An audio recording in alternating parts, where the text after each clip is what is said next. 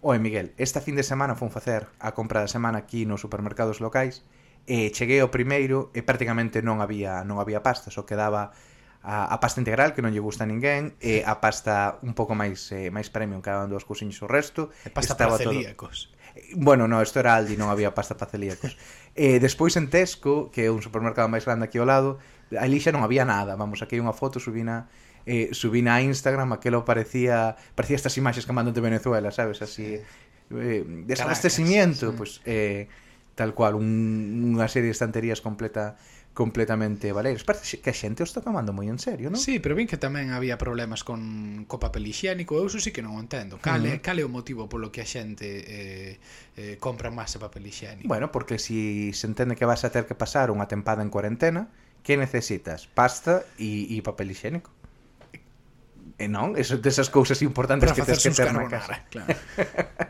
Sí, bueno, ten sentido. Bueno, eso e o, e a, os, o que aquí lle chaman hand sanitizer, os, sí, o xel desinfectante. O xel desinfectante sí. Sí. De bueno. feito, Tesco puxo, Tesco este supermercado, puxo racionamento. Agora non se poden sí, mercar máis de creo que son máis de 5 eh, unidades de cada un destes produtos pasta eh, eh, bueno, este xel desinfectante leite de cartón e algunha historia máis sí, señor. e seguiron a algún supermercado máis tamén. que nos ia dicir que o racionamento dos supermercados o ia traer un virus mm. e non o socialismo pois sí, que, que non lo iba a dicir ti estás tomando algunha, algunha medida eh, de protección, Miguel?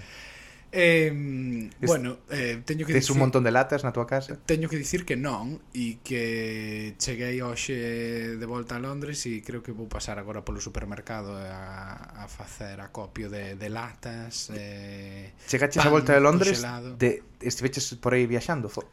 Sí, en la calurosa Barcelona, sí, moi eh, ali non hai problema co coronavirus porque estábamos a, sobre 20 graus din que o coronavirus non resiste non resiste as altas temperaturas, así que dubido que teña apañado nada. Eh, pero sí, por bueno, está... eso non me sona demasiado científico, pero eh, bueno. bueno, a ver, ten en conta que en Andalucía hai un cura que anda dicindo que non hai ningún tipo de problema por darlle un bico a Virxe porque a Virxe non ten o coronavirus. Claro, porque non sei, Dios e amén. Claro. Eh, pois entón ti eres, Miguel, un super spreader, non? Como se dicía aquí, esa xente que anda pululando por aí polo mundo, tocando sí. todo, sí, sin sí. lavar as más, Total, e tocando a, a cara a xente, tusindo no metro. E a semana que ven toca ir a Turquía, país que supostamente non ten ningún caso de coronavirus. Aí vas ti, aí vas ti a leválo a tocar a todo A pesar mundo. de que ten a fronteira con Irán, o cal é un pouco sospeitoso, pero sí, por si acaso vou ali a cerciorarme de que lles chega, sí. E falando de coronavirus, estou pensando, eh, Como xa sabemos que o coronavirus afecta moito máis á xente, a xente maior, eu li unha estadística de The Times que dicía que a mortalidade en maiores de 80 anos é un 14%. Con eses datos na man, se hai realmente unha epidemia, canta xente morrería na Cámara dos Lores? Home, pois tendo en conta que a media de idade anda sobre os 70 anos, pois teñen probabilidades de espichala uns cantos. Pois pues en, entón a, refo a, a, a reforma pendente da Cámara dos Lores non vai vir por un movimento eh, democrático e eh, regenerador no Reino Unido, senón que vai vir por, por unha pandemia, parece. Claro, sino é que o coronavirus está sendo o cambio que, que, que a esquerda e o socialismo nunca puido traer ao mundo é o coronavirus. As bolsas están caendo en picado, empresas pechando, o capitalismo en crise. Pues foi un virus que veu da China. Só falta que os vellos non vai a votar en Galicia porque teñen medo tal e, e, e xa se acaba... A tanto non chegaremos. bueno, hoxe imos falar da Cámara dos Lores. E do coronavirus. Dentro intro. Think about Brexit. What, what's that? Like, Order! The nose to the left, 432. with the light, with the music. Very welcome everybody here. a Brexit question in English, if you don't mind. Bueno, no, hombre, no vamos a hacer. Venga, adelante. ¿Quiere usted hacer el puñetero favor de largarse de aquí y de... No va usted a hacer nada ya. You like a cup of tea? Yeah, sure. Go on, have a cup of tea. Thank you, thank you.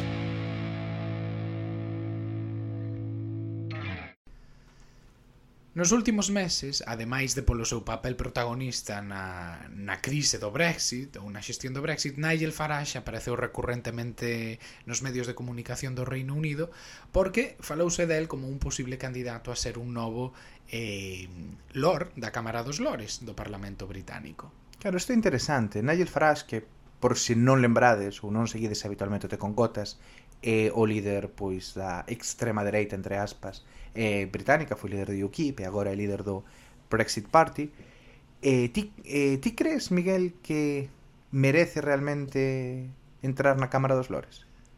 Que normalmente entrar na Cámara dos Lores é un, un recoñecemento, non? A túa trayectoria profesional ou política. Claro, e a, e a túa o teu coñecemento tamén dunha área dunha determinada área, sí.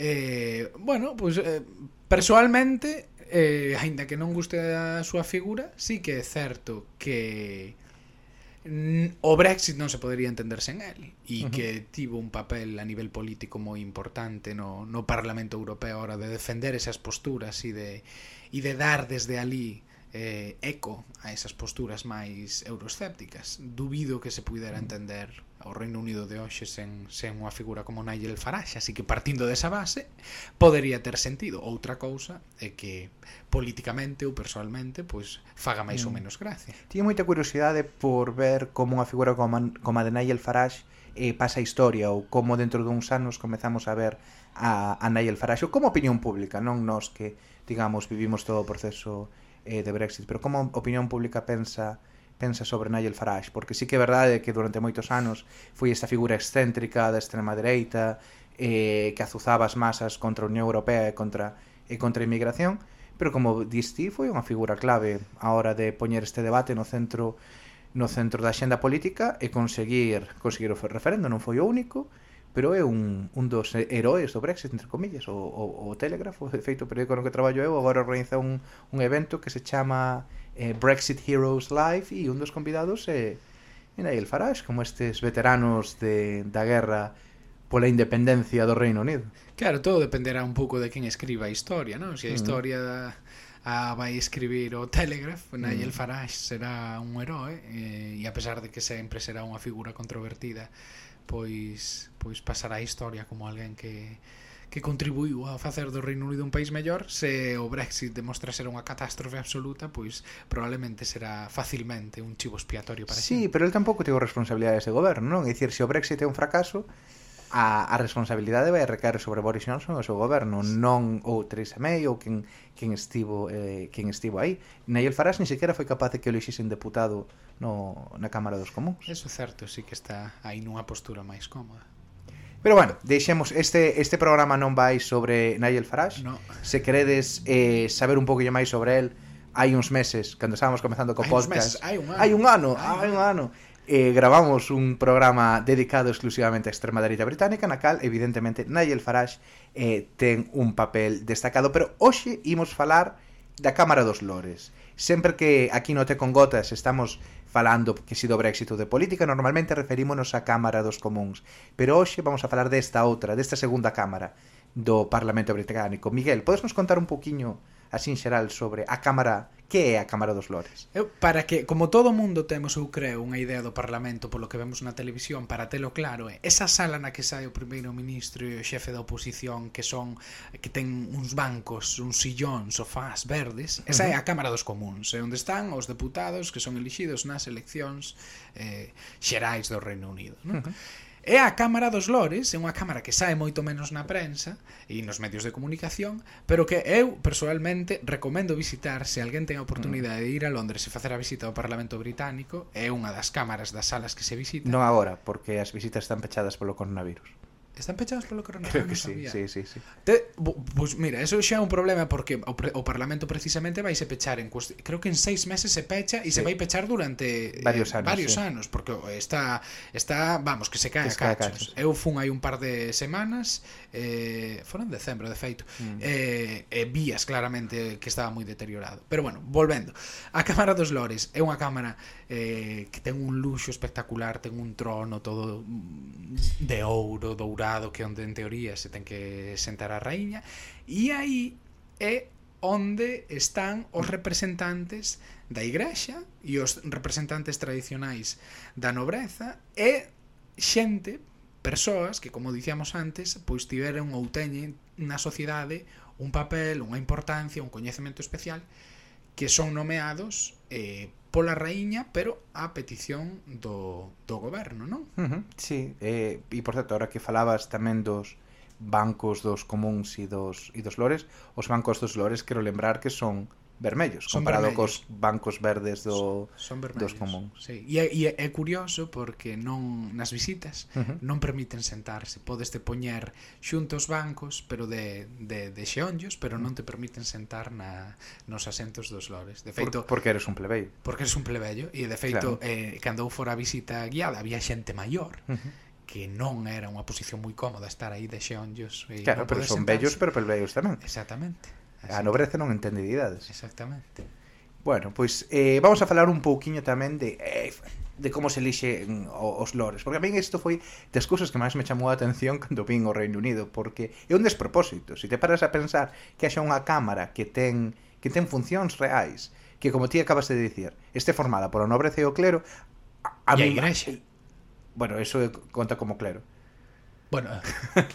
efectivamente, perdón. No, vamos a perdoar a Miguel que acaba de chegar sí, dunha viaxe, claro, chegou. hai que hai que hai que dar un pouco de Chegou contexto. aquí coa maleta. Despertei, no, e despertei ás 5 da madrugada, por tanto, a, o meu cerebro está funcionando a, vamos, a un rendemento máis baixo do habitual. Pois iso. Eh, non se acordaba de que claro eh, e Igrexa neste caso son iguais, pero eh volvendo ao caso, unha cousa que me sorprendeu coa cámara que ten funcións reais, que ten unhas funcións moi semellantes a que ten calquera segunda cámara en calquera país europeo, semellante que pode ter o Senado, pois teñen capacidade legislativa, teñen capacidade eh, de, de, de facer escrutinio ao traballo do goberno e facer escrutinio ao traballo da, da Cámara dos Comuns, eh, aínda que, como pasa en outras segundas cámaras, non teñen a última palabra eh, sobre, sobre a legislación agora mesmo, pero sí que fan parte, fan parte do proceso. Sí, por exemplo, cando hai cando hai mm, polémicas pois con respecto ao Brexit, con mm. respecto mm. ao cambio climático, cando as comisións da Cámara dos Comuns eh, sobre cambio climático, por exemplo, se reúnen para emitir mm. un informe sobre pois como está o goberno británico a xestionar a transición ecolóxica, mm. eh, a reducción do impacto do carbono e demais, mediáticamente, políticamente ten ten moita importancia cal é a posición da da Cámara dos Lores, as recomendacións que se fan, as críticas que se fan, non? Claro. Eh, pero bueno, volvendo á parte da da elección, alguén un unha, unha cámara que ten poderes que ten poderes reais Algo que me sorprende moito é que esa xente non teña ningún tipo de rendición de contas a nivel democrático. Vamos a, a facer unha recompilación un pouquiño de quen se senta na Cámara dos Lores. Pois hai, ahora mesmo realmente hai tres tipos, tres tipos de, de lores. Eh, un son o, o clero, e xente que, que son pois, obispos e e arcebispos da Igrexa de Inglaterra, que teñen postos natos na, na Cámara dos Lores, e xa está, pois aí está, os representantes de Dios tamén na, na Cámara dos Lores, e xa, a xente participa do proceso legislativo, que xa, personalmente, me parece algo moi moi sorprendente, che move moita atención cando cheguei cando cheguei a este país. Sí, porque poderían ser representantes das diferentes confesións religiosas do Reino Unido, pero é eh, a Igrexa Anglicana. Claro, porque o Reino Unido non, non ten non hai separación entre Igrexa e Estado, nin a nin é un Estado confesional, é un eh, Estado confesional e Claro, é, é unha, religioso. é unha cousa moi curiosa das que eu nunca reparara de pensar que, claro, o Papa sí. da Igrexa Anglicana é, é, é o xefe do Estado. Claro. claro. Eh, en, eh, unha cousa que tamén me chama a atención e que eu creo que temos que cobrir algunha vez no outro, no outro te con gotas é que, a pesar de que existe unha religión de Estado, son capaces de que esa religión de Estado sexa integradora cara, cara os demais caras as máis religións, sexa despois de moitos anos de guerra religiosa entre católicos e protestantes, chegouse a este punto no que, vale, sí, existe unha igrexa de Estado, pero moitas as ceremonias que se fan, eh, nas cales hai eh, participación religiosa son suficientemente inclusivas para que xente de outras fés pois, mm. se sinta relativamente cómoda, pero iso é para para outro debate. Pois aí están os arzobispos de Grecia e Inglaterra e non están os arzobispos católicos ou non están os imáns da, da mezquita de, mm, do leste de Londres, por poñer un exemplo. Pero a maior parte dos membros da Cámara dos Lores e como ti dixeches antes, son electos por pola raíña a, eh, en recomendación do, do goberno, do primeiro ministro.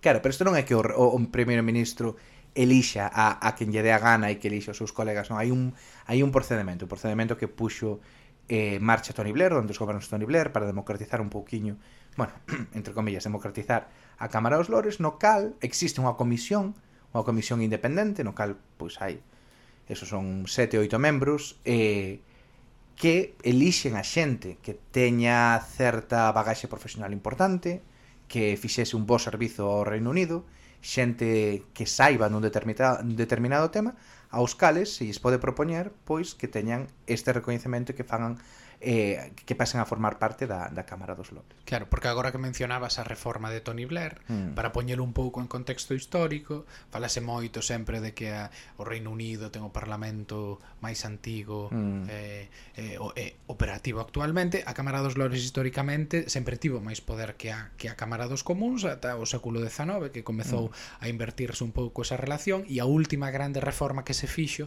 foi durante a época de Tony Blair, unha reforma mm. que está sen concluir, porque de mm. feito hai agora un grupo, creo que son de 90, non? 92, Lore, eh. 92 lores que eh, aínda se, se, rele, se son, rele, hereditarios, son, hereditarios o título hereditario pero iso estaba previsto que se finalizase en canto esta nova onda de, de reformas da Cámara dos mm. Lores eh, fe, bueno, chegase ao seu fin pero claro. eh, coa chegada dos, dos gobernos conservadores paralizouse a, paralizouse mm. a reforma sí que é certo que polo menos nas eleccións de 2017 os laboristas mm. tiñan unha proposta de, de reformar a, a Cámara dos Lores e convertila nunha especie de Senado pero de momento aí siguen e aí siguen eses 92 lores co, mm. co dereito a herdar claro. eh, a herdanza de sangue dese título. Claro, é moi interesante. Eh, ese é o terceiro tipo de lores que existen eh, a día de hoxe, que son os hereditarios.